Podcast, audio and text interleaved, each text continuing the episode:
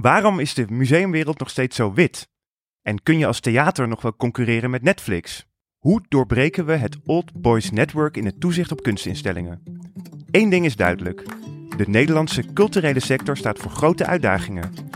Erlenmeyer, vernoemd naar het transparante proefglas, is het laboratorium waar we samen met nieuwe denkers en doeners op zoek gaan naar het antwoord op deze vragen. Want wij zijn van mening dat het debat in de cultuursector nog te vaak door dezelfde mensen gevoerd wordt. En dat we daarmee niet per se vooruitkomen.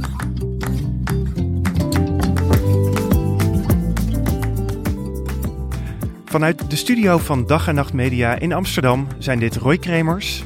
En Naima Boustaoui. In de Erlenmeyer podcast staan we samen met een inspirerende gast stil bij urgente thema's. In deze uitzending niet één, maar twee gasten en een nieuw thema, namelijk governance. Hoe ga je als culturele professional om met je bestuur?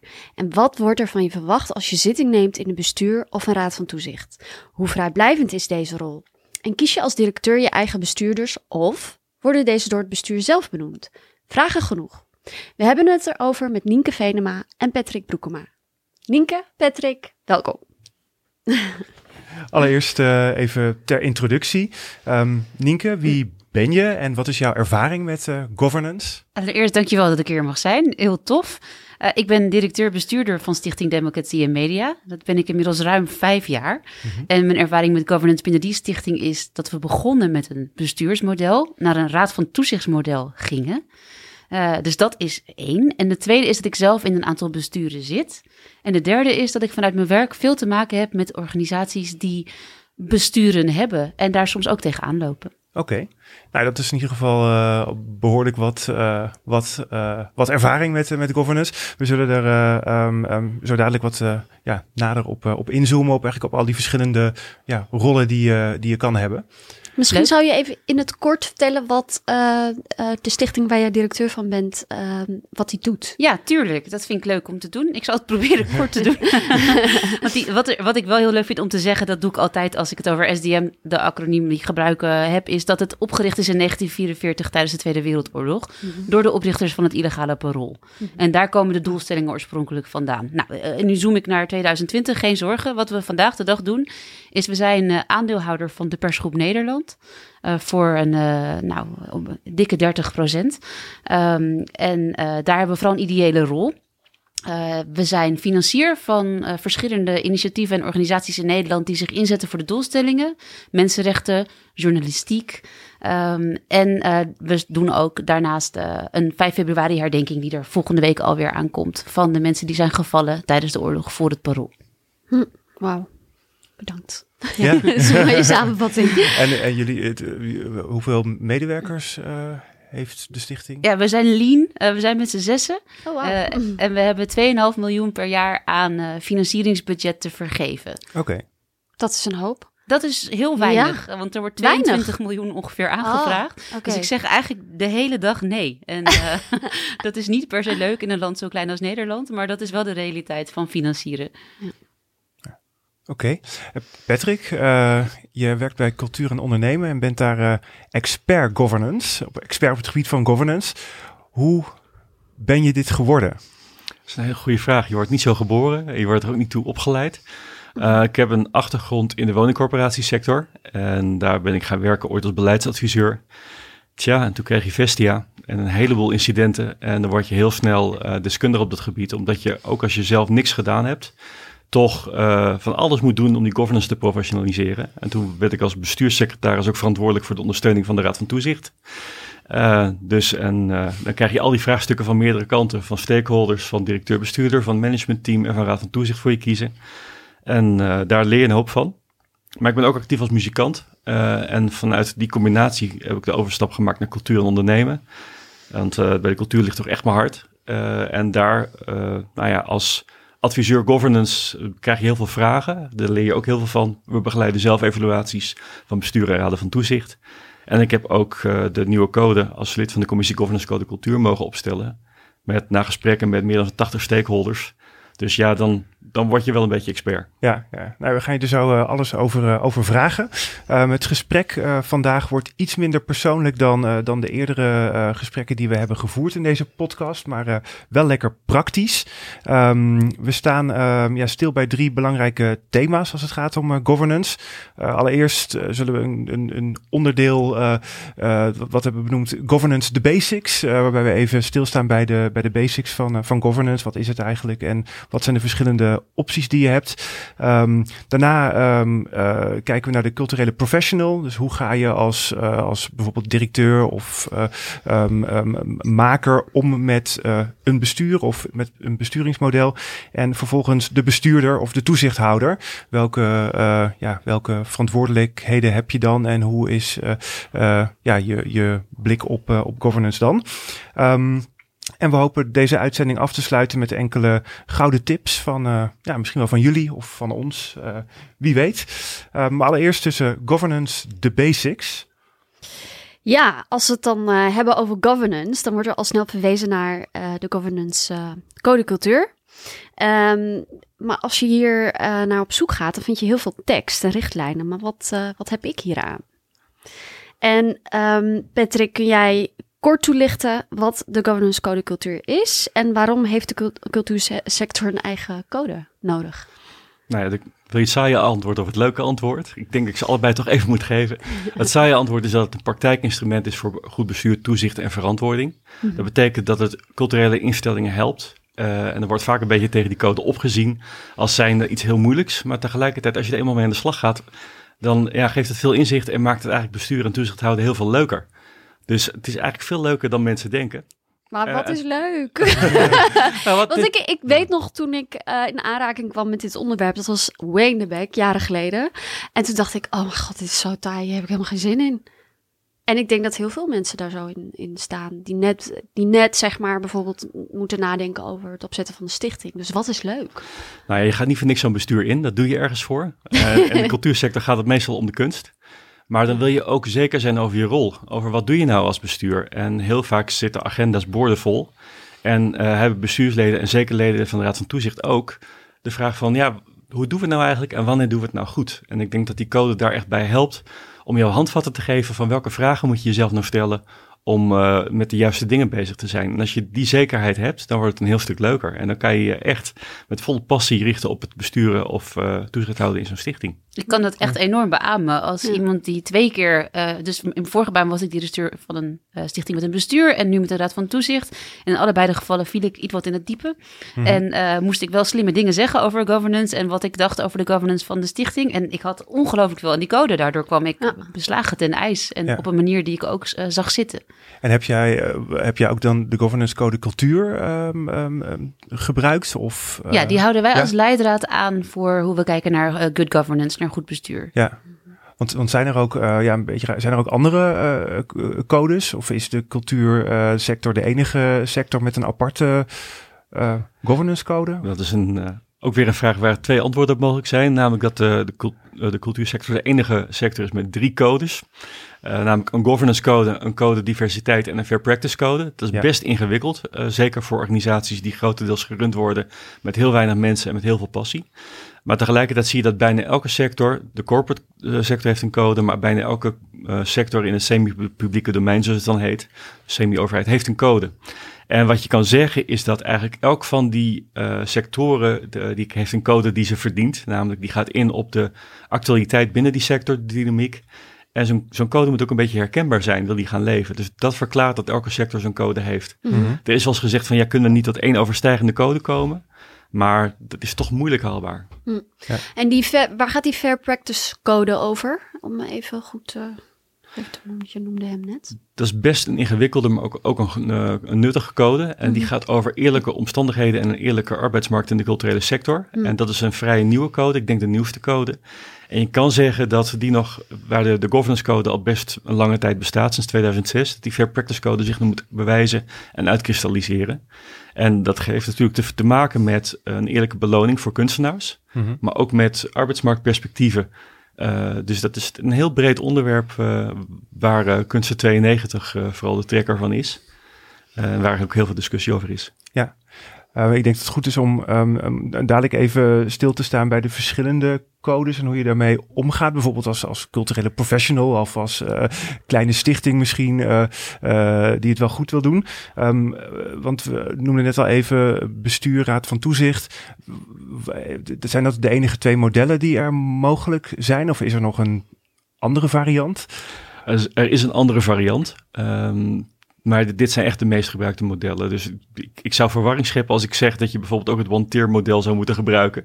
Wat uit uh, Engeland is komen overwaaien en wat heel weinig gebruikt wordt. Eigenlijk kan je zeggen van iedereen heeft of het bestuurmodel ja. of het raad van toezichtmodel. En, en wat, is, wat is dat one-tier model? Ik weet dat er, uh, dat zijn van die inside termen, zeg maar. Die, ja. die nou ja, je, je, hebt een organisatie uh, die bestuurd wordt. En dat besturen, dat kan ge gebeuren door een directeur-bestuurder, maar ook door een bestuur. En vaak heb je een mechanisme van toezicht. In het Nederlandse model heb je dan een raad van toezicht. Maar je hebt ook een model waarbij je kan zeggen van de uitvoerende functionarissen en de, en de toezichthoudende functionarissen zitten in één lichaam. En dat noemen ze de one-tier board. Dat komt in Engeland heel veel voor. Maar ook bij festivals zou het kunnen werken. De Cello Biennale bijvoorbeeld heeft dat. Mhm. Um, omdat het dan fijn is dat je op piekmomenten uh, ja, een, een bredere club heeft die je kan ondersteunen. Maar het heeft ook nadelen, want je moet ook taken, bevoegdheden en verantwoordelijkheden heel scherp vastleggen. En vaak krijg je rolvermenging, terwijl het al best ingewikkeld is. Ja. Dus ik zou het niet direct propageren. Je moet er echt heel goed over nadenken. En als je dan heel praktisch kijkt naar een, uh, een bestuur of een raad van toezicht, hoe maak je die keuze? Dat is uh, ook een goede vraag waar we ook makkelijk 50 minuten mee kunnen vullen. Maar, ik denk dat, ja, nee. maar ik denk dat als je een, een, organisatie opricht, een stichting opricht, dat je gewoon moet beginnen bij het bestuurmodel. Ja. Want uh, het grote verschil tussen het bestuur en het raad van toezichtmodel is dat de verdeling van verantwoordelijkheden anders is. En het is heel fijn als je start om in ieder geval een bestuur te hebben uh, boven een artistiek en een zakelijk leider of een directeur hoe, uh, die jou kan ondersteunen. En pas als je echt zelf als, als directeur of als zakelijk leider uh, de, in staat bent, financieel, maar ook qua grootte, om uh, meerdere medewerkers te hebben, voldoende omvang, voldoende zekerheid, dan kan je een volgende stap in je professionalisering maken en een raad van toezicht uh, model kiezen. Mhm. Waarbij uh, dus de bestuurlijke verantwoordelijkheid, die komt dan bij de directeur, die wordt directeur-bestuurder. En dan heb je een raad van toezicht en die raad van toezicht die uh, krijgt een hele andere rol. Namelijk die is toezichthouder, die is werkgever en die is adviseur sparringpartner. Ja. Uh, dat is even in een nutshell, maar het is best ingewikkeld. Uh, kortom, ik zou als je start, begin met een bestuur. Ja, maar, je, en je, maar je, je gaf aan van als je dus een, als je wat groter bent of als organisatie wat meer slagkracht hebt, dan zou je die, die overstap kunnen maken. Of? Ja, daar, soms zeggen mensen dat het ook eerder kan. Maar ik denk uh, dat je er echt mee geholpen bent als je uh, een bestuurmodel bent. Totdat je echt mensen in dienst hebt. Totdat je een omzet hebt waarvan je zegt van nou, we hebben voldoende zekerheid. En we, uh, je moet niet vergeten, je wordt dan één keer als directeur word je bestuurder. Uh, en, en, en heb je dus de verantwoordelijkheid van het bestuur in je eentje. Ja. Die moet je best aankunnen. Ja. Dan helpt het als je in de, de organisatie voldoende mensen hebt om jou te ondersteunen. En voldoende middelen om ondersteuning te vragen als dat niet lukt. Ja. Moet hoe doe- ja. Ja, heb jij dat doorgemaakt? heb jij die fase doorgemaakt? Maar ook bij, ehm, eh, bij waar je nu werkt, bij Democratie en Media, waar je directeur-bestuurder bent. Ja, dus ik ben nu directeur-bestuurder. Mhm. eh, en hiervoor was ik directeur in een bestuursmodel van Humanity in Action. Niet helemaal culturele sector, meer mensenrechtensector, maar eigenlijk heel vergelijkbaar. En ik zit dus ook in besturen. Niet in een raad van toezicht, die heb ik dan geen kwartet. Ehm, ja, maar eh, als directeur kan ik zeggen dat ik wel het raad van toezichtsmodel sterk prefereer, omdat het me meer slagkracht geeft.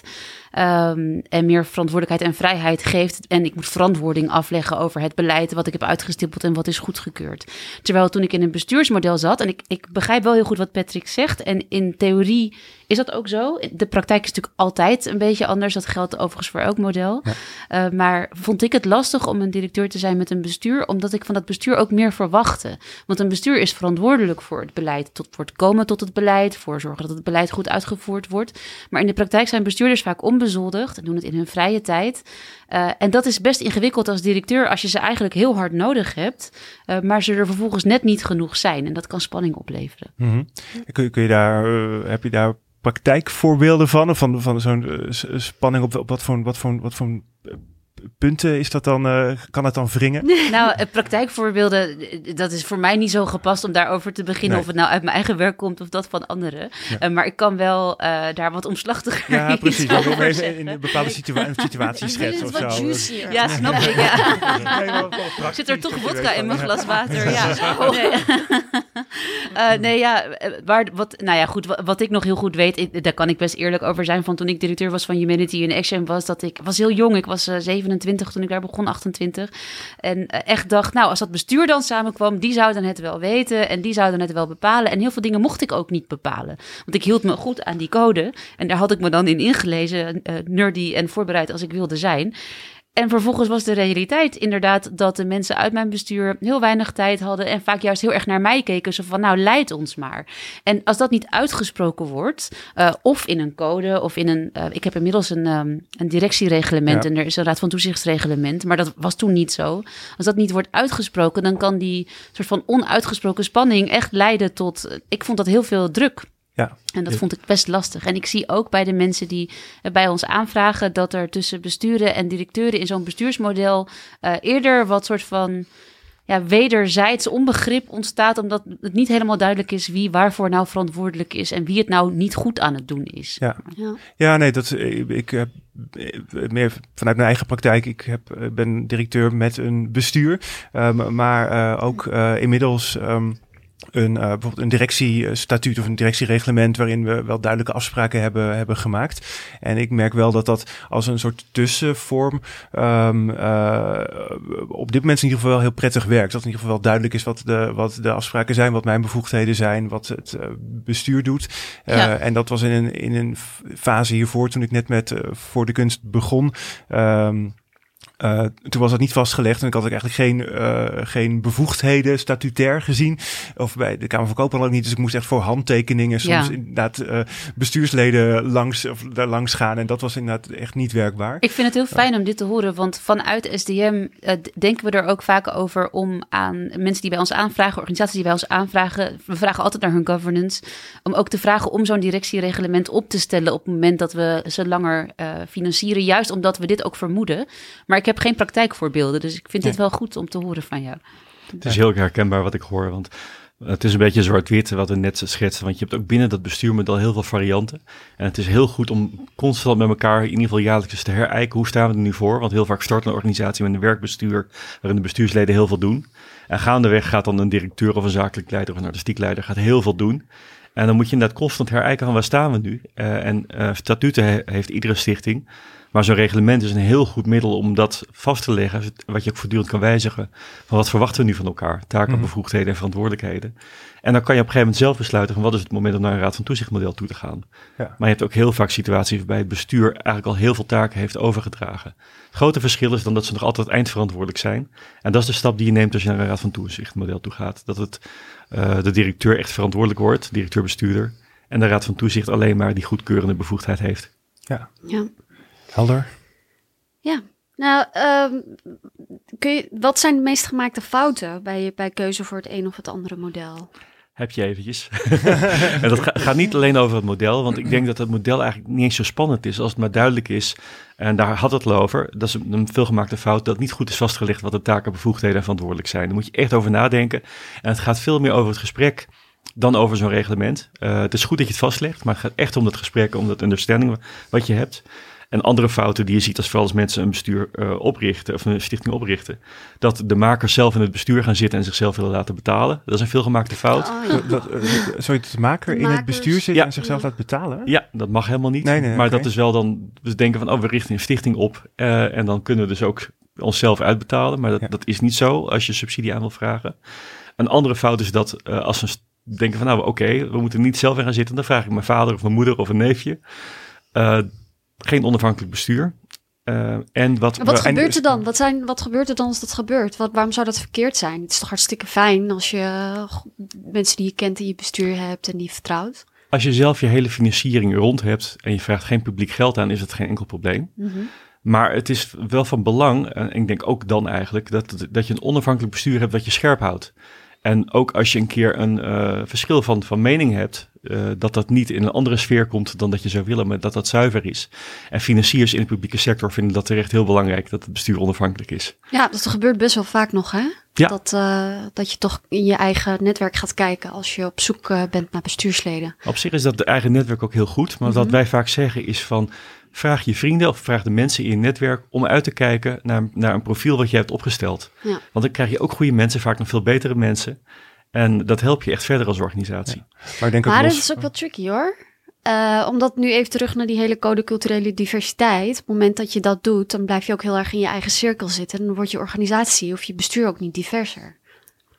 Nou ja, als je een goed netwerk hebt uh, en je vraagt binnen dat netwerk om uit te kijken op basis van het profiel, ja. dat, dan kan je dus een heel divers samengesteld bestuur krijgen. Mhm. Alleen alles staat of valt bij het profiel wat je hebt. En als je zegt, mm we, uh, wij hebben een profiel wat vooruitkijkt voor de komende vijf jaar en zegt we willen dat uh, bereiken, we hebben die mensen erbij nodig. Dus ook divers samengesteld. Ook mensen met een bepaalde achtergrond of met een bepaald karakter of van een bepaalde leeftijd. Jonge mensen bijvoorbeeld. Mhm. Dan kan je dat in je profiel zetten en dan ga je daar gewoon net zo lang zoeken tot je die gevonden hebt. En dat vereist ook heel vaak creativiteit om uh, te zeggen, nou, die mensen wil ik hebben, daar ga ik op ga ik zoeken. Ja. Ben je het daarmee eens, Nienke? Ja, volledig. Je moet dat expliciteren vanaf het begin. En van tevoren ook weten waarom. Uh, waarom is diversiteit belangrijk voor jouw organisatie? Uh, diversiteit wordt heel vaak heel breed gezien. Dus diversiteit betekent ook iemand uit Friesland hebben en iemand uit Limburg. Mhm. En hoewel ik niet uh, wil zeggen dat dat niet ook onderdeel is van diversiteit, wordt er vaak toch iets anders mee bedoeld. En vanuit SDM kan ik zeggen dat wij steunen zoveel mensen die bijvoorbeeld ehm, zwarte Nederlanders of Marokkaanse Nederlanders, Nederlanders met een moslimachtergrond dat nu wij aan het kijken zijn, of nu mijn Raad van Toezicht aan het kijken is naar nieuwe leden, dat echt wel een van de onderwerpen is waarover werd gesproken. Er een bepaalde mate van representatie van wie er in je Raad van Toezicht zit of in je bestuur versus wie je doelgroep is, is van groot belang. Um, en daarnaast uh, heb ik nog wel een leuk verhaal over, of een leuk verhaal, maar een leuke ervaring er zelf mee gehad. Wij mochten een uh, commissaris benoemen of voordragen uh, voor de persgroep. Want hoe, hoe gaat dat in zijn werk? ja, de, want je zegt we mochten. Ja, SDM mocht dat als ja, minderheidsaandeelhouder. Okay. En, en hoe, want hoe, hoe moet ik me dat, hoe, hoe, hoe gaat dat in zijn Werk? Hoe gaat het in zijn werk? Ja, nou ja, in de aandeelhoudersovereenkomst staat die bevoegdheid, uh, of dat, dat recht staat vastgelegd. Dus ja. het is ooit bedongen dat we dat dan mochten. Ja. Uh, en uh, nu was het zover dat er een commissaris klaar was en er een nieuwe commissaris voorgedragen kon worden. En dat is, want even voor mijn beeldvorming, een commissaris... is een soort toezichthouder. Ja, ja. en hoe, hoeveel commissarissen zijn vijf. er? Vijf. Er zijn er vijf, ja. Okay. En er zijn er veel uit de persgroep zelf. Zo gaat dat vaak. Ja. Uh, en dus degene die wij uh, mogen uh, voordragen, niet benoemen, want ze worden uiteindelijk benoemd door het bestuur en door de, uh, door de commissarissen. Zelf, um, ja, ja okay. maar we mogen wel iemand voordragen. En je moet wel veel redenen hebben om iemand die voorgedragen wordt af te wijzen. En als het goed is, zorg je er ook voor dat je van tevoren wel hebt afgestemd. En dat hebben we ook gedaan. Ja. dus we mogen dan iemand voordragen en die wordt dan benoemd daar. En is, want ja, ik ga nu de vraag in de detail. ja, nee, want je zegt, je, we, we mogen dan iemand voordragen. Uh, en dan zeg je natuurlijk Stichting Democratie en Media. Maar ben jij dat? Is je Raad van Toezicht dat? Zijn jullie dat samen? Ben jij dat met je medewerkers? Hoe, wie, wie, hey, wat hoe een gaat vervelende vraag. dit zijn echt hele goede vragen. Want in de praktijk, je zou van alles kunnen beargumenteren wie dat dan zou moeten zijn. En als bestuurder ben ik bijvoorbeeld de enige tekeningsbevoegde. Ja. maar ik ben niet iemand, en ik denk ook niet dat dat goed besturen is, die dat in mijn eentje gaat doen. Dus natuurlijk doe ik dat samen met mijn Raad van Toezicht en in samenspraak met degene die het meeste heeft met de deelnemingen, zoals we dat noemen. Dus de, de aandelen die we hebben in dit geval in de persgroep, die daar ook een portefeuille op heeft. Dus hij en ik samen zijn echt een recruteringsproces ingegaan met een externe recruiter. Uh, en daarin hebben we dus heel duidelijk gezegd: een vrouw. Uh, want uh, drie mannen uh, en één vrouw. En diegene die bij ons wegging was ook een man. Dus wij hadden zoiets van, ja nee, er moet echt, er moet echt nog een vrouw in. Mm -hmm. en wat we merkten was dat die recruiter dan toch een paar, ook een paar mannelijke profielen overlegde. En daar was op zich ook helemaal niks mis mee, want dat waren ook hele goede profielen. maar wij zijn echt, hebben gezegd, we willen de allerbeste vrouwen zien die, waar je mee kunt komen. En wat ik heel grappig vond, was dat je dan een soort van bijna in een situatie terechtkomt waar je dan gesprekken krijgt over, maar het moet wel een heel geschikt iemand zijn, het moet wel de beste persoon zijn. Terwijl die vrouwen die ik voor me had, die hadden allemaal wel president-commissaris kunnen worden van, uh, van die raad van commissarissen. En uiteindelijk hebben we een geweldig iemand uh, gekozen. Maar het is, best wel op, op, ik schrik er wel een beetje van dat, dat, dat, dat er toch nog steeds dan blijkbaar een soort vooroordeel dan. Uh, ja, niet vanuit de persgroep zelf. Nee, nee, nee, hoor. nee die maar waren vanuit heel blij. zo'n recruiter dan toch of. Nou ja, nou die, ja, goed. Ik denk dat. Uh, nou ja, die recruiter heeft ons fantastische vrouwen ja. uh, aangedragen. Dus ik, ik, kan daar zeker niet over klagen. Maar wat ik denk is dat mensen toch vaak. Uh, vanuit, heel erg vanuit hun eigen perspectief denken over wat talent is en wat geschikt is. En uh, dat is wat jij ook net zei, Naima, dat als je aan je netwerk vraagt om mensen aan te dragen, komen ze met mensen die op ze lijken. Tenzij ja. je expliciteert dat je op zoek bent naar ja. een bepaald profiel of naar iemand met bepaalde kwaliteiten. Ja. Nou, dan is het misschien handiger om dan wel in zee te gaan met een recruiter. Zeker als het zo'n hele verantwoordelijke positie is. Ja, dat kan heel goed zijn. En, en door ook een transparant proces in te richten, mm -hmm. waarin je bijvoorbeeld een advertentie zet. Dat, dat hebben we in dit geval niet gedaan, maar dat kun je ook doen. Ja. Ja. Uh, ik, dat kan ook weer een stap zijn daartoe. Maar het vraagt ook om creativiteit, want heel veel kleine stichtingen hebben niet het geld van zo'n recruiter. Nee. En ik denk dat het heel goed is om met creativiteit buiten dat eigen netwerk te komen. Bijvoorbeeld stap eens naar de ondernemingsvereniging toe. En daar vind je vast wel iemand die heel gemotiveerd is en, en verstand heeft van, van geld als je zo iemand nodig hebt. Of mm. kijk eens bij een goed advocatenkantoor, waar ook heel veel mensen met een andere culturele achtergrond rondlopen, met heel veel talent. Uh, en misschien nog wel veel belangrijker, zeg niet alleen maar waar je naar op zoek bent, maar zeg ook wat je te bieden hebt in je profiel. Ja. Want we, we maken nu al eigenlijk vrij logisch een stap naar de, weet je, de, beetje de culturele professional of iemand die, die werkzaam is binnen een organisatie als of directeur of, of de maker of directeur-bestuurder. Um, en die, die gaat op, of tenminste, die heeft te dealen met een, ja, in jouw geval een raad van toezicht. Um, wie, wie bepaalt er in, uh, bij, bij jou wie er in die raad van toezicht uh, zit? En uh, hoe heb je daar zelf, heb jij daar ook een, nee, nee, wie bepaalt dat? Wie bepaalt ja. dat? Nou, wij houden ons keurig aan de code van Patrick, dus Ja. dat bepaalt de raad van toezicht zelf. Ja. En dat is dus nu ook gaande. Maar gelukkig hebben, geven ze mij daar wel een adviserende rol in. En ik denk ook dat het gek zou zijn om dat niet te doen. Want als raad van toezicht weet je toch heel weinig over de praktijk. Hoe, hoeveel je ook je best doet, de praktijk, dat weet de directeur-bestuurder. Ja. En die weet ook heel goed wie ze nodig heeft, als, wat voor talent en skills ze nodig heeft in die raad.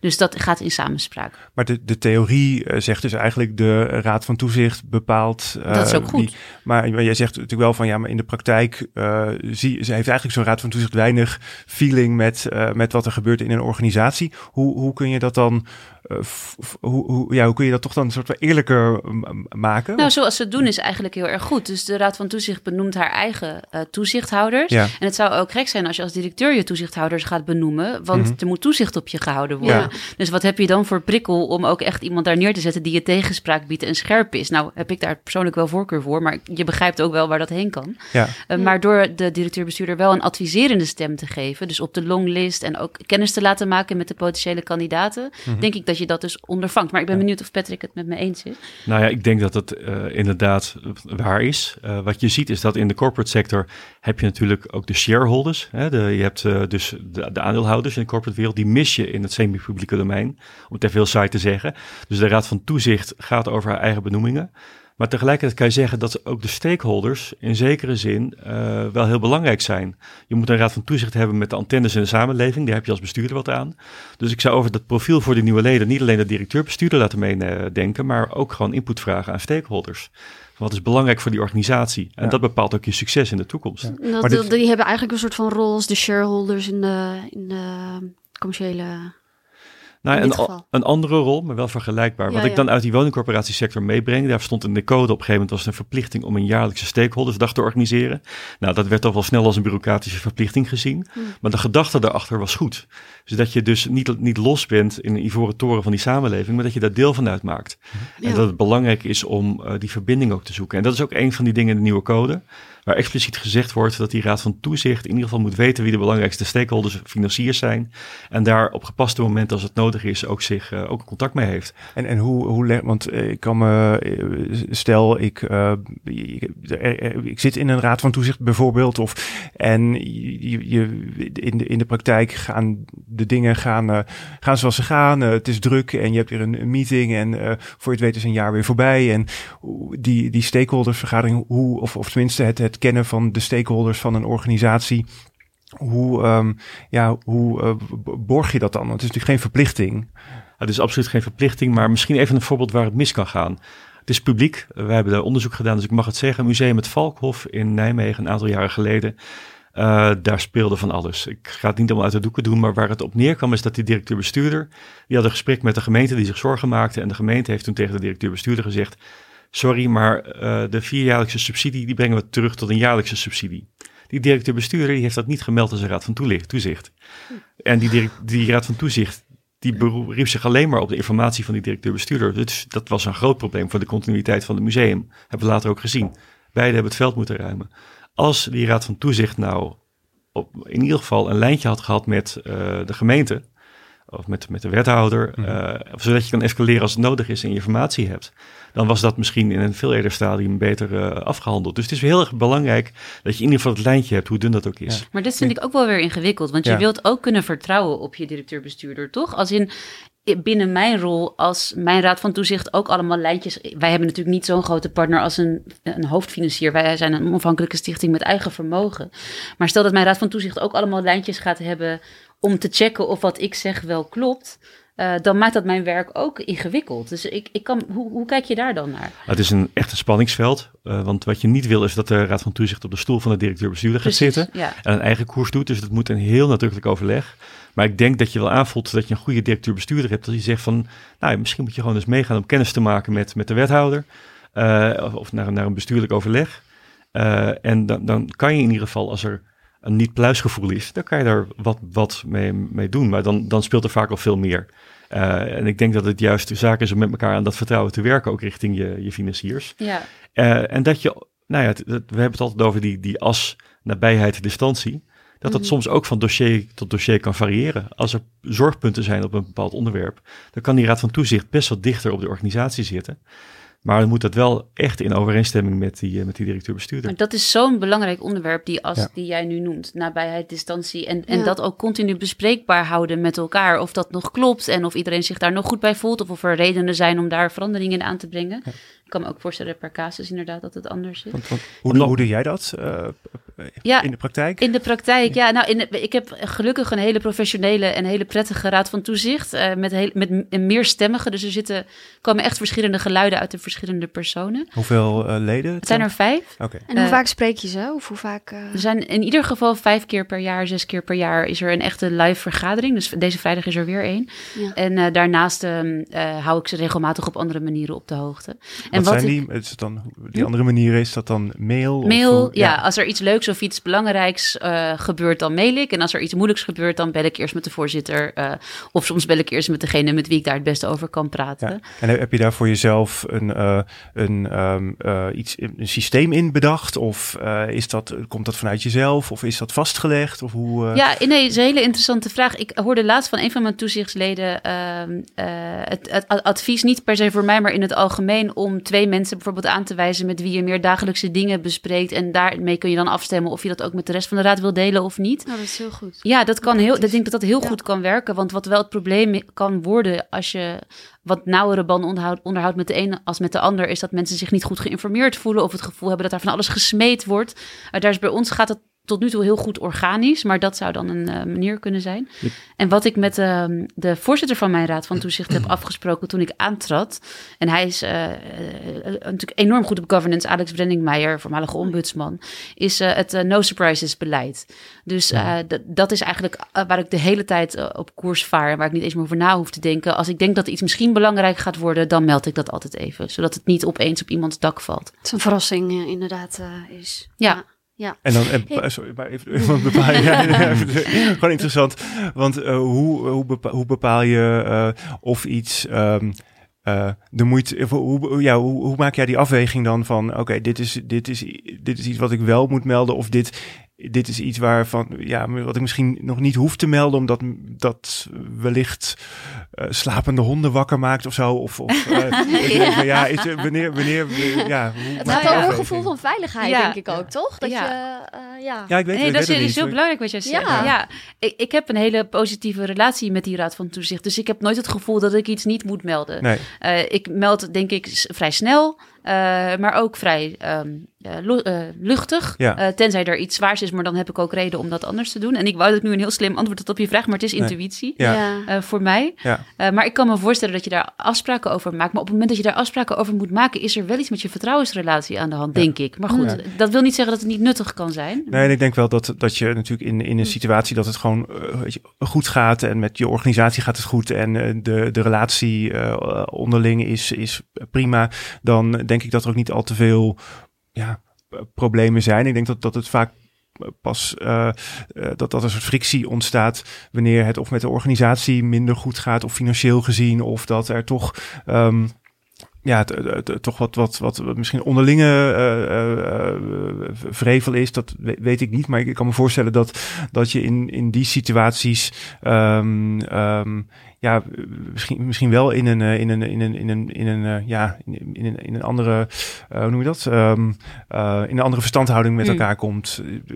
Heb jij daar toevallig uh, ervaring in. Ik weet, ik weet, het niet. Ja, nee, want um, natuurlijk, dat, ik denk ook zo'n de, de code is natuurlijk goed om, of tenminste, je, je, je, je, je, uh, gebru- je kan hem gebruiken om bepaalde, uh, bepaalde risico's te mijden, bepaalde verantwoordelijkheden te, duidelijk, te, te duiden. Mm-hmm. Maar, maar wat als er, als je als, als, als directeur bijvoorbeeld. Um, het gevoel hebt dat je, dat, je, dat je niet meer in contact staat met je bestuur. Hoe, kun je daar de, de code voor gebruiken om dat op te lossen? Of uh, moet je dat op een andere manier doen?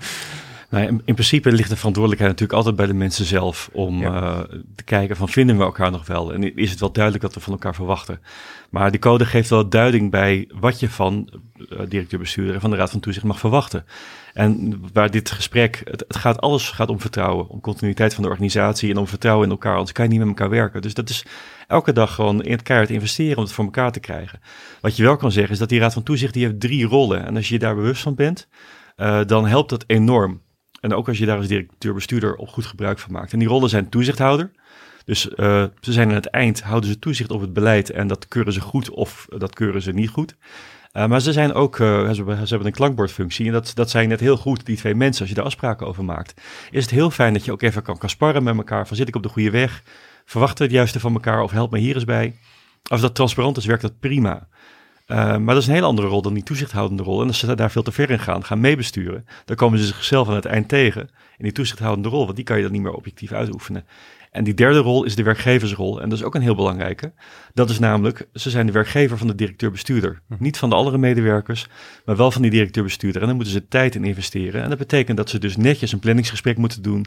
Netjes moeten aangeven van wat ze van de bestuurder verwachten. Ja. En met één mond spreken. En dat ze daar ook netjes een, een beoordeling van maken aan het eind, die, die, die op elkaar aansluit. En als het tussentijds niet helemaal goed gaat, daar gewoon ook over praten. En dat gebeurt niet altijd. Nee, en, en want je noemt nu de Raad van Toezicht als voorbeeld. In een bestuur, um, bestuur-directiemodel ligt dat denk ik iets gecompliceerder. Ja, daar ligt het. Eigenlijk is het bestuurmodel in zekere zin een complexer model dan het Raad van Toezichtmodel. Ja. Omdat het bestuur is eindverantwoordelijk. Hoeveel je ook mandateert aan de directeur, je blijft uh, je, je, kan het niet delegeren, je blijft eindverantwoordelijk. Dus wat je kan afspreken is, uh, nou ja, je, je, bent werkgever van alle werknemers, dus dat ligt wat anders. Dus dat moet je expliciteren in, uh, niet alleen in reglementen en in, in statuten, maar ook gewoon in, in, in afspraken met elkaar. Ja. Dus dat ligt wat genuanceerder. In, in, zekere zin kan je ook zeggen, als je een bestuur hebt, wat het verder afstaat, kan je natuurlijk in theorie ook die rollen wel vervullen. Maar het grote verschil is die, die eindverantwoordelijkheid. Je hebt natuurlijk wel een bestuur dat verder afstaat. Het bestuur kan natuurlijk opeens weer heel dichtbij komen. Dus dat is, ja. uh, dat is denk ik wel die... Uh... Die slapende honden. Nou, maar om bestuursleden ja. en raders van toezichthouders met slapende honden te vergelijken ja. is gevaarlijk. Ja, dat is, dat, ik denk dat dat... Uh, ik kreeg er ook een beetje een rot gevoel van. Ja, ja, ja, ja, ja, alle soort van gevoel van maar, uh, nee, maar ik, ik, ik, het, is, het is natuurlijk best wel een... een het is een spanning. Er zit veel spanning. En ook natuurlijk als, als, als als, als, uh, ik kan me aan de ene, ene kant als, als uh, bestuurder, je, je, weet natuurlijk dat je, dat je, ja, je bent hoofdelijk aansprakelijk. terwijl als je weet dat een organisatie goed loopt, dan zul je je minder zorgen gaan maken. En dan sta je denk ik ook meer op, op, op, op afstand. En dan, dan heb je denk ik ook meer vertrouwen in een, in een, in een, in een directeur. Maar als je merkt van, hé, hey, er gaan wat dingen niet goed of zo, moet ik me zorgen gaan maken, dan kom je dichterbij. En dan ga je volgens mij zelf ook meer, ja, meer misschien soms micromanagen of zo waardoor opeens die, dat, die afstand verdwijnt en je, um, opeens als bestuurder heel dichtbij staat. Ja. En uh, hoe, hoe, hoe, hoe krijg je dan weer die balans terug? Uh, hoe, hoe kun je dan ervoor zorgen dat zo'n directeur wel weer voldoende ruimte heeft? En uh, ja, dus ik vind het wel een interessant gebied. En dat, wat dat betreft is natuurlijk de, de Raad van Toezicht veel helderder. Um, alleen waarbij je zegt, nou, eigenlijk zijn dat organisaties die toch wat profession, prof, of niet professioneler zijn, maar die wat, uh, misschien wat, wat meer er, ervaring hebben. Of een bestuurder, een directeur-bestuurder die wat meer uh, uh, slagkracht heeft of wat meer ervaring heeft. Terwijl juist die um, in een, in een bestuur-directiemodel, dat, dat heb je vaak de, kleinere organisaties die misschien toch net wat minder ervaring hebben met het, met het besturen of het runnen van een organisatie. Waarbij dan ook alweer een, een ja, waarbij eigenlijk weer de, meest complexe variant hebt als, uh, als model. verschilt het ook van geval tot geval. En ja. uh, het kan ook compleet anders, want ik heb ooit een keer een, een, hele kleine organisatie gehad die om advies kan vragen. Die zegt van ja, ik ben bestuurder van die en die organisatie en we hebben een raad van toezicht. Ja. Geloof ik. maar ik weet niet meer wie het zijn. Ja. En volgens mij weten ze dat zelf ook niet meer. Dus die zaten in het, in het verkeerde bestuursmodel. En ja. die zijn toen gewoon weer netjes bestuur geworden. En daar kan je dus heel veel last van hebben. Dus soms is een bestuurmodel, of eigenlijk heel vaak, is het gewoon een heel goed passend model. En uh, ik vind het model nogmaals niet zo heel spannend. Als je heel duidelijk afspraken hebt gemaakt en van elkaar weet wat je van elkaar verwacht, ja. is dat veel belangrijker. Ja. ja, hoewel het zo'n belangrijke vraag is die Roy net stelde. Als het misgaat, ja. want dan komt vaak, of als het misgaat, als het minder goed gaat, dan komt, komen vaak minder mooie eigenschappen van mensen naar boven. Dus inderdaad, bestuurders kunnen opeens enorme micromanagers worden of uh, directeuren enorm recalcitrant. Uh, er kan van alles ego's. ontstaan. E precies, alle ego's komen ja. op tafel. Uh, nou goed, um, hoe kom je daar nou weer uit? Dat, dat is inderdaad een verdomd goede vraag. Ja. Want wie houdt er, dat heb ik me ook vaak afgevraagd, wie geeft er eigenlijk feedback aan de toezichthouders of aan de bestuurders over hoe zij het eigenlijk in hun rol doen? Ja. Nou, daar, daar, kan je natuurlijk ook weer een compleet college of een lezingenreeks over geven. Een schil maar, bouwen die weer toezicht houdt op de toezichthouders. Of code, toezichthouder ja, op de toezichthouder. Maar laat, laat ik beginnen met het feit dat het niet met elkaar eens zijn in de Raad van Toezicht helemaal niet erg hoeft te zijn. Uh, sterker nog, besturen en een Raad van Toezicht waar mensen het niet allemaal eens zijn, die zijn effectiever. Er vindt op dit moment heel interessant promotieonderzoek plaats aan de VU door Marilieke Engbers. En die heeft onderzoek uh, al gedaan naar de, het ongezegde in de boardroom. Mm -hmm. En dat betekent dat de rol van het ongezegde heel belangrijk is. En dat hetgene wat je na afloop op de parkeerplaats tegen elkaar zegt bij de auto. Ja. ja dat had je misschien toch wel in die vergadering moeten Ja. zeggen. En zij heeft geconstateerd dat het collectieve IQ van een uh, bestuur afneemt. op het moment dat er veel ongezegd is. En dat uh, besturen en raden van toezicht. waarin een cultuur is van agree to disagree. Hm. Uh, dat dat veel effectiever is, want dan komen al die meningen aan bod. Het lastige daarbij is, daar, daarvoor moet je elkaar wel kennen en elkaar vertrouwen. En daar moet je echt in investeren. Dat je elkaar ook buiten die vergaderingen toch nog eens wel eens een keertje treft. Niet dat je grote vrienden wordt, maar dat je in ieder geval met elkaar eens durft te zijn. En als je dan echt een keer, uh, ja, als je het echt oneens bent en structureel oneens bent, dan heb je een heel ander probleem. Ja. Uh, maar daar biedt die code ook wel weer wat handvatten voor. Maar in principe, ja, dat verschilt ook van geval tot geval wat je dat dan aan moet doen. Ja. Maar cultuur en ondernemen, die, uh, die biedt ook mogelijkheden om hierin uh, als intermediair op te treden. Nou, we zijn geen uh, intermediair bij, uh, bij conflictbeslechting. Nee. Maar we geven wel duiding over wat je inderdaad van bestuurders en van toezichthouders zou mogen verwachten. Ja. Mensen kunnen ons bellen. We nemen de telefoon erop ook. Ze kunnen een oriëntatiegesprek aanvragen. Maar uiteindelijk ligt de verantwoordelijkheid bij besturen en uh, bij raden van ja. toezicht zelf. Ja, want we, we, maken nu al een mooi bruggetje weer naar de bestuurder dus. Of lid van de raad van toezicht, toezichthouder. Um, je, gaf, je gaf zelf aan of je gaf net even aan, uh, Patrick, uh, van uiteindelijk is het aan een, een bestuur of een raad van toezicht zelf. Of tenminste, je, je, je, gaat, je, je weet wat je van elkaar kan verwachten. wat, wat, wat kun je als. Um, Tenminste, wat, wat, wat, ja, wat, wat mag je als, als bijvoorbeeld als directeur of als van, van je raad van toezicht of je bestuurder verwachten? Het belangrijkste antwoord erop is tijd, tijd en nog eens tijd. En wat we helaas te vaak tegenkomen is dat mensen op basis van hun profiel uh, gevraagd worden in een raad van toezicht, maar dat ze niet de tijd hebben om de stukken te lezen. Laat staan dat ze tijd hebben om zich te ontwikkelen als toezichthouder, zich te verdiepen in wat de organisatie nodig heeft. Uh, en om op een goede manier vorm te geven aan die werkgeversrol. Dus het kost echt heel veel tijd en commitment. Ja. En die moet je bereid zijn om die te geven. En je moet ook bereid zijn om te leren en je, je te ontwikkelen. En ik zeg ook heel vaak, Kijk verder dan alleen maar de competenties van mensen, maar kijk ook naar aandachtsgebieden die je kan benoemen. Van wat heeft deze organisatie nou nodig? En daar help je echt een bestuurder, uh, directeur-bestuurder verder mee. En, en hoe, maar hoe, en hoe, um, ja, uh, hoe, hoe, um, hoe, hoe, hoe, meet je dat bij jezelf? Of hoe, uh, als, als je inderdaad toezichthouder of bestuurder bent, hoe, hoe, hoe, hoe bepaal je of je het goed doet? Uh, dat is inderdaad een lastige vraag. Ik denk dat reflectie erop het antwoord is. Reflectie natuurlijk bij jezelf, maar ook gewoon met elkaar. Binnen je bestuur of je raad van toezicht. Wat je heel simpel kon doen is aan het eind van iedere vergadering toch eens even vragen van hoe vonden we nou dat het ging? Hebben we nou echt met elkaar het over de juiste dingen gehad op, in de juiste sfeer? Uh, dat is eigenlijk heel laagdrempelig. Dan voorkom je dat gesprek uh, met in tweetjes, maar gewoon echt met elkaar. En wat je natuurlijk zou moeten doen, is uh, jaarlijks een zelfevaluatie. Uh, waarvan één keer in de drie jaar zegt de code onder externe begeleiding. Want dan breng je ook een ander perspectief mee, die frisse blik. Maar je moet daar niet op gaan zitten wachten. Als je het gevoel hebt van, ben ik wel goed bezig, praat erover. Ja. En praat er ook over met je directeur-bestuurder.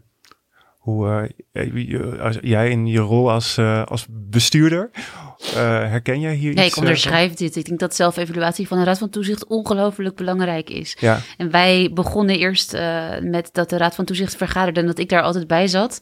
En op een gegeven moment heeft iemand die vanuit de Raad van Toezicht, die professioneel kijkt naar hoe toezichthouder eigenlijk zou moeten zijn, gezegd: hé, hey, maar we zouden elkaar eigenlijk ook gewoon af en toe zonder Nienke moeten spreken. En niet alleen als we er evalueren, maar ook gewoon omdat het belangrijk is. Mm -hmm. Dus nu doen ze dat steeds vaker. Uh, of zelfs, uh, ik geloof dat het nu zelfs vast wordt.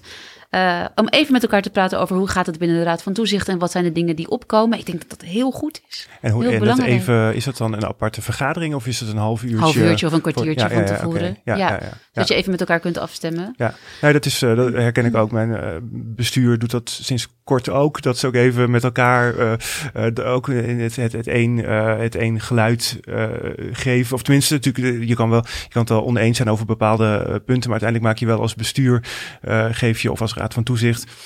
Uh, moet je niet voor verwarring gaan zorgen of voor een ruis gaan zorgen in zo'n vergadering. Dus het is ook soms goed om inderdaad zo'n half uur van tevoren te nemen om met elkaar even te, te zitten. Ja, en je bestuurder heeft er niks aan als je onderling conflict hebt om daar last van te gaan krijgen. Dus stel dat je, dat je het nou onderling niet eens bent, wat inderdaad heel goed kan zijn en heel gezond, dan is het fijn dat je dat ook even onderling met elkaar kan Ja. afstemmen.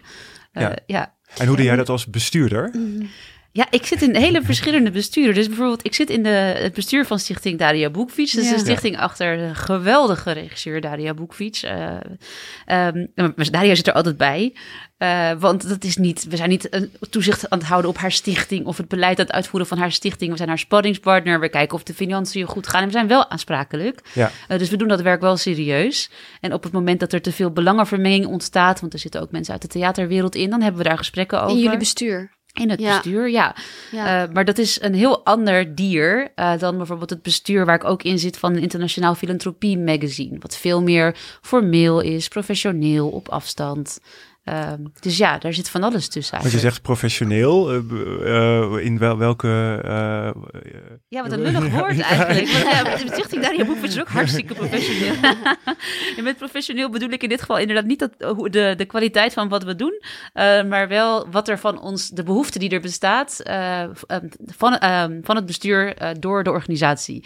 Dus Daria heeft echt geen behoefte aan dat wij een beetje paternalistisch haar gaan lopen vertellen of ze haar werk wel of niet goed doet. En dan zijn we ook geen goed bestuur. We moeten haar in haar kracht zetten en zorgen dat ze haar werk goed kan doen. Ja. Um, laatst had ze een fantastisch plan en ik hoop ook van harte dat ze het uit gaat voeren. was iets wat radicaal. Nou, dan hebben we een gesprek met haar over wat dat eigenlijk doet met de rest van haar uh, plannen. Maar we gaan niet zeggen, dat moet je niet doen. Terwijl in het andere bestuur, wat ik dus net foutief aanduidde met wat professioneler, is de verwachting veel meer dat we, dat we vanuit ons eigen professionele oogpunt kijken naar, loopt deze organisatie goed? Doen deze mensen hun werk Ja. goed? Klopt dit nog met het beleid wat er is uitgezet? Dus dat is gewoon een andere blik. Dat is van Ja. zakelijker. Ik heb, Zakelijker, ehm, dankjewel. Ja, Ja. dat uh, Ja. misschien niet juist. Ja. Ehm, eh, wij uh, binnen, de, binnen die uh, hele cultuur, je ziet heel veel verschillende uh, organisatievormen. Uh, wat ik vanuit mijn werk heel veel zie voorbij komen, dat zijn kleine clubjes mensen die iets tofs willen gaan opzetten, helemaal geen bestuurservaring hebben en, uh, en dan heel langzaam dingen gaan uitvinden en zo'n stichting gaan opzetten. En dan is het uh, vergelijkbaar met wat je net noemde, wat stichting uh, Daria Boekwietje is. Uh, hoe ziet zo'n stichting eruit? Of- of zo. wat is jouw rol? Wat voor mensen zitten daarin? Wat voor eh, functies hebben zij? Dat is Ja. misschien wel goed om, omdat we nu vooral hebben gesproken over hele goede, eh, professionele, zakelijke organisaties met raden van toezichten. Heel veel geld in omgaat. Maar St- Stichting Daria Boekwies is natuurlijk heel anders. Dus Ja. ik ben daar ook heel benieuwd naar. Nou, Daria was eh, op een gegeven moment op zoek naar een bestuur voor die stichting en wilde iemand met financiële kwaliteiten en iemand met goede antennes in de theaterwereld en iemand met wie ze persoonlijk goed kan, kon vinden. Dus die heeft echt eh, ehm, van tevoren, nou ja, Daria weet natuurlijk altijd heel goed wat ze wil, maar Ja. bedacht wat ze wilde en daar mensen op uitgezocht. En hoe die stichting eruit ziet is dat we we komen inmiddels één keer per jaar of twee keer per jaar samen, dus niet zo vaak. En dan zijn er door haar zakelijk leider wel wat dingetjes voorbereid. En dan bespreken we die dingen. En dan staat er vaak een glas wijn op tafel. En dan is het ook een moment voor Daria om even te kunnen zeggen hoe het met haar gaat. Ja. Dat is ook belangrijk. ja. Eh, dus zo ziet die stichting eruit. Maar er ik, zit, dan, er zit dan een voorzitter in. ja, er zit en een voorzitter in. penningmeester Er en een secretaris. Ja, En wie nog meer? Nou, er zit een, een voorzitter in en een penningmeester en iemand die de secretariële taken voor Ja. op zich neemt. Ja, en verder twee algemene leden. Wel, jullie hebben ook nog twee algemene Ja, we hebben ook leden. twee algemene leden. En dan heb je Daria Boekwiets zelf en Ja. haar zakelijk leider, die zit er ook bij. Ja. Ja. Ja. Dus van de, de ja, oké. Ja, en ik ken eigenlijk ook vooral bestuurders die uit vijf mensen bestaan, waarvan die drie hoofdtaken Ja. en dan twee algemene leden. Die algemene leden worden vaak eh, of om boegbeeldfunctie bijvoorbeeld gevraagd, want het kan wel. Je Mhm. Ja, noemde ja. net tijd en ik ben het hardgrondig met je eens, maar soms kan het zin hebben om iemand met minder tijd, maar wel een boegbeeldfunctie wel eh, in je bestuur te vragen of je raad van toezicht. Beter is een raad van advies, maar dat werkt niet altijd zo. Eh, dus dan kan je dat ook gewoon met elkaar afspreken. Jij bent ons boegbeeld. Dat betekent dat je af en toe moet noemen dat wij tof zijn en eh, dat je bij ons hoort. En eh, dat is dan genoeg. Dat is iemand Ja. met een groot netwerk. eh, In Zichtbaarheid. dit geval, ja, zichtbaar is eh, in de theaterwereld in Ja. dit geval. Ja, in dit geval in het theater. We zouden het, nou ja, voor Daria was het niet nodig, maar zou het de theaterwereld kunnen zijn. En eh, bij eh, veel van de stichtingen vanuit, die ik van Democratie en Media ken, is het bijvoorbeeld een oud politicus of, eh, of een televisiepersoonlijkheid of een oud journalist Ja. of een journalist. Mhm. Eh, Ja. ja, dus, maar dat zijn niet altijd de mensen die ook echt de tijd hebben en ook de kennis en de affiniteit. Want het moet ook affiniteit hebben met besturen en toezicht Zeker. houden. Hè? Want het kost echt best wel veel tijd Ja, eh, om dat goed te gaan doen.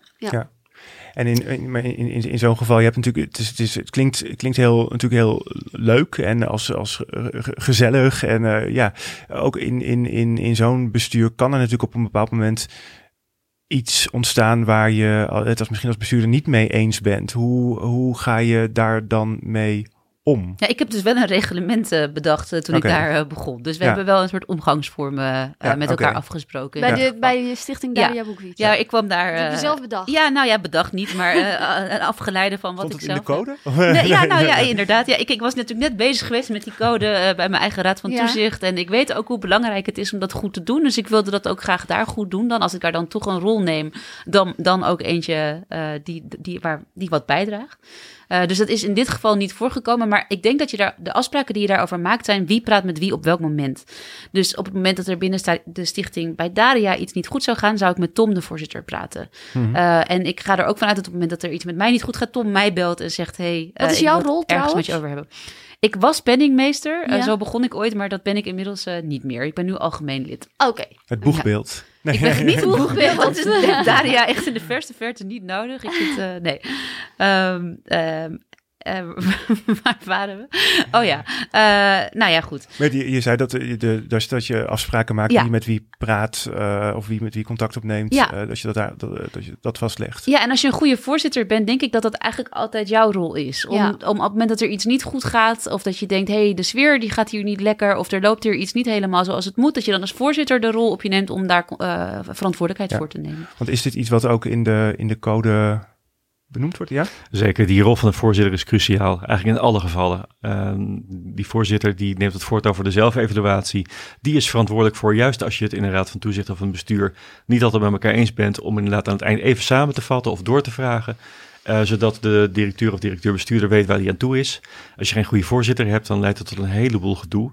Eh, plus het feit dat die voorzitter de eerste persoon is waarmee ook de directeur of de directeur-bestuurder eh, tussentijds contact heeft. En die verantwoordelijk is voor het opstellen van een goede agenda. Want ook dat wordt wel eens onderschat. Het Mhm. belang van een goede agenda, eh, goede besluitenlijsten, goede verslaglegging. Allemaal be- heel belangrijk voor de, de, de effectiviteit van jouw organisatie. Hoe belangrijk is een jaarverslag en, eh, en dat soort dingen voor voor een stichting, organisatie? Nou, een jaarverslag wordt natuurlijk heel vaak gezien als een verplichting. Hm. Maar het is natuurlijk ook belangrijk. eh, want het is een momentopname van waar staan we nu als organisatie. En dat vormt het startpunt voor, voor datgene waar je dan al volop mee bezig bent. Ehm, maar ja, het, als je je governance op een goede manier hebt georganiseerd, is het maken van de governance kant van het jaarverslag eh, redelijk eh, nou, te doen, denk ik. Wat wel belangrijk is om nog even aan te haken hierop, op, op de- deze vraag van over de effectiviteit van een bestuur een raad van toezicht. Ik denk dat heel veel organisaties gebaat zouden zijn als een raad van toezicht zichzelf een aantal vragen stelt. Bijvoorbeeld, wat voor toezicht heeft deze organisatie nou nodig? Eh, en dat is echt een antwoord, eh, een vraag waar je niet direct een antwoord op hebt, maar die echt met elkaar zou moeten bespreken. En dan heb je het bijvoorbeeld ook over die afstand, die nabijheid, de invulling aan die verschillende rollen. Als je dat weet, dan weet je ook van oké, wat voor informatie hebben wij dan nodig om goed te kunnen functioneren? Van de organisatie, van de directeur-bestuurder of elders vandaan. Contacten met, met stakeholders. En als je dat weet, dan weet je ook van wat vinden we nou belangrijk om op te sturen de komende tijd. Zodat je je agenda ook kleiner kan maken eh, door te focussen op de dingen die belangrijk zijn en andere dingen eraf kan gooien. Mhm. En dan kan je ook, eh, als je dat hebt, eh, ben je veel effectiever. Dan heb je een jaaragenda en dan ben je een goede partner, een goede toezichthouder voor je directeur-bestuurder. Ja. En dat noemen ze heel vaak heel chic een toezichtskader in andere sectoren, in onderwijs, woningcorporaties. Maar het is gewoon eigenlijk van, hoe doen we nou eigenlijk en wanneer doen we het goed? Gewoon nogmaals die tijd. Ja. Tijd en het gesprek, dat is waar het om draait. Ja. Ik hoor, ik, hoor, ik heb eh, op, op zich vind ik het eh, fijn om eh, dat ik in, de, in ieder geval ik heb best wel wat praktische, praktische tips gehoord. Ik las nog wat over een toolkit ook op de, op de website, want we zijn gaan een beetje afronden. Een toolkit klinkt mij al heel praktisch in de oren, want ik had een beetje bij de, de, de code, ehm, eh, als, ik hem, als ik hem zie, lees, dan vind ik hem nog steeds best wel abstract en eh, ehm, eh, dat, dat ik wel behoefte heb. En ik merk ook wel met mensen om me heen die ik af en toe spreek, of die inderdaad met, met in, in het idee zitten van ah, ik wil een stichting oprichten, maar hoe doe ik dat dan? Wie vraag ik als bestuur en zo? Dat die praktische handvatten juist wel eh, handig zijn.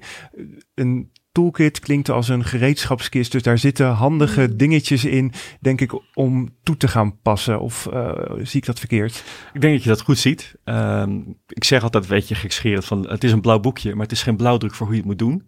Die code is de, is is de, de, de ja. code cultuur. Ja. Eh. En de acht principes, de acht principes met, met, met aanbevelingen. Eh, waar het om gaat is dat die code is misschien wat, wat filosofischer dan de voorganger. En dat is heel bewust gedaan, omdat het geen set regels is, maar je moet je actief verhouden tot al die principes van de code. Dus dat betekent dat je als organisatie tijd ook moet maken om je te verhouden tot die code. En zeggen, wat betekent dat voor ons? Want die code, ja, we hebben hem gemaakt voor hele kleine stichtingen, eh, zoals net genoemd, maar ook voor een heel groot rijksgefinancierd eh, museum en alles ertussenin.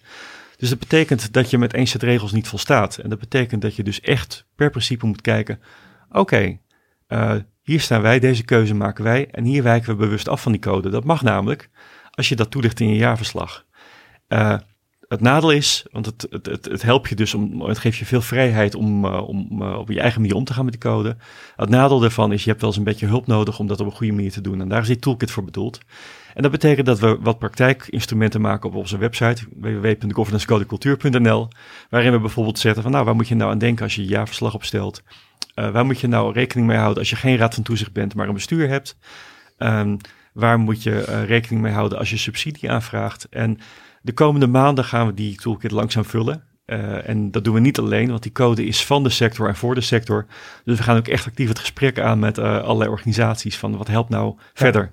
En, en wanneer is de toolkit ongeveer gevuld? Ik vermoed dat die nooit helemaal klaar zal nee, zijn. maar wanneer... wanneer eh, Maar je, je kan zeggen dat we rond de zomer zullen we een paar tools hebben. Ja. En nou ja, aan het eind van dit jaar zullen er best wel wat zijn. Maar ja, de ene tool heeft wat langer nodig dan de andere. En we willen het gewoon heel graag goed doen. Omdat elke eh, ja, hoeveelheid papier die je weer die sector inpompt, kan ook voor verwarring zorgen. En we Ja. willen echt iets maken waar organisaties wat aan hebben.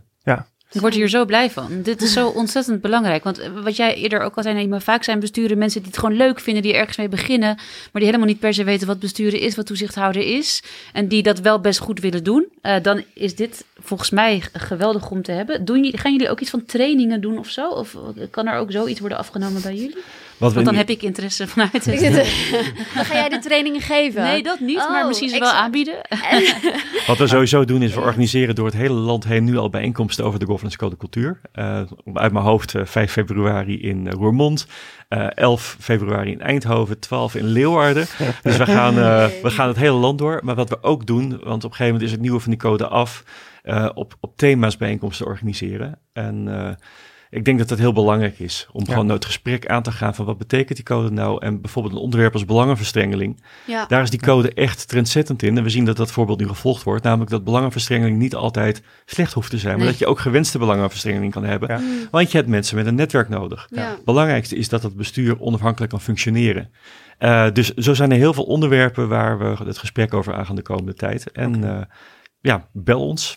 Ja, en eh, Nienke, jij hebt ook al een eh, soort van reglement opgesteld voor de kleine eh, stichtingen. dus ik zou zeggen, hey, Nou, ik ben er wel benieuwd naar. nou, ik wil het graag met je delen, maar het is, eh, het is maar klein hoor. Het is op Ik- hoofdlijnen. Ja. Ja. Ik ben toevallig nu ook met iets bezig, ook met een soort van reglement aan het opstellen voor een kleine stichting waar ik in zit. Dus eh, Oh, tof. very curious. Nou, serieus, bel me. Ja. Als we, eh, we gaan dus inderdaad echt richting einde. Nog even de laatste gouden tip wellicht. Of iets wat absoluut eh, niet mag ontbreken in die, eh, in die toolkit. Of in, iets, iets wat, je, ja, wat je graag mee zou willen geven. Heb, je, heb jij Nou ja, iets wat. Patrick nu net zei. Ja, ik heb ook wel een shout-out, maar waar jij net over begon, dat belangenvermenging niet altijd iets slechts is. Of je, belangenverstrengeling, het kan ook belangenvermenging zijn of belangenverdubbeling. Eh, ik hoop dat dat in je, pod, of in je toolkit eh, naar voren komt, want dat is iets waar heel veel eh, misverstand over bestaat, Ja. volgens mij. Ja. Eh, en mijn shout-out is ehm, eigenlijk die, als een rode draad door alles wat ik zeg heen gaat, namelijk spreek verwachtingen uit Ja. naar elkaar toe. Ja. Voordat je eh, bestuurders vraagt of toezichthouders, voordat je een directeur aanneemt en blijf eh, toetsen of dat klopt. Ja. Eh, Ja. super belangrijk. Ja, ik sluit er helemaal bij aan. Ik denk dat de, eh, voer het gesprek over governance en gebruik erbij de governance code cultuur, dat dat de kern is. En dat kan je heel low-key houden door twee principes per, eh, per vergadering gewoon eens tegen het licht te houden. Omdat je, dat je verder helpt. En inderdaad, dat alles draait om vertrouwen en verwachtingen. Dit ga ik Ja. vrijdag doen. Twee Ja. principes tegen. nee, het is wat dat denk ik ook een kwestie van ja, prioriteiten eh, stellen. En natuurlijk vaak zit een, een, een agenda al behoorlijk vol. Maar het is denk ik wel belangrijk om er, om er tijd voor, voor vrij te maken. Dus uh, Nima, heb jij nog een uh, gouden tip? Nee, nee, Nee? ik uh, ben helemaal... ik ben heel erg benieuwd naar jou. hoor. Jee, en naar de toolkit. Ja, dat zou echt uh, heel fantastisch zijn. Als er een soort van praktisch uh, voor heel veel organisaties die nog niet heel erg ervaren zijn, maar wel heel graag willen. Oké. Okay. Dank jullie wel voor jullie uh, komst. Ja, leuk Dank hier voor de uitnodiging. Ja, Leuk. dank jullie. Dit was de Erlenmeyer podcast. Dankjewel Nienke, dankjewel Patrick voor jullie aanwezigheid. Um, de toolkit kun je vinden op uh, www.governancecode.cultuur.nl. Um, dankjewel Lieke van Dag en Nacht Media voor de productie. En uh, ook bedankt aan Gerson Mein, hij heeft namelijk de intro gemaakt. Uh, hopelijk tot een volgende keer. Later, doei. doei.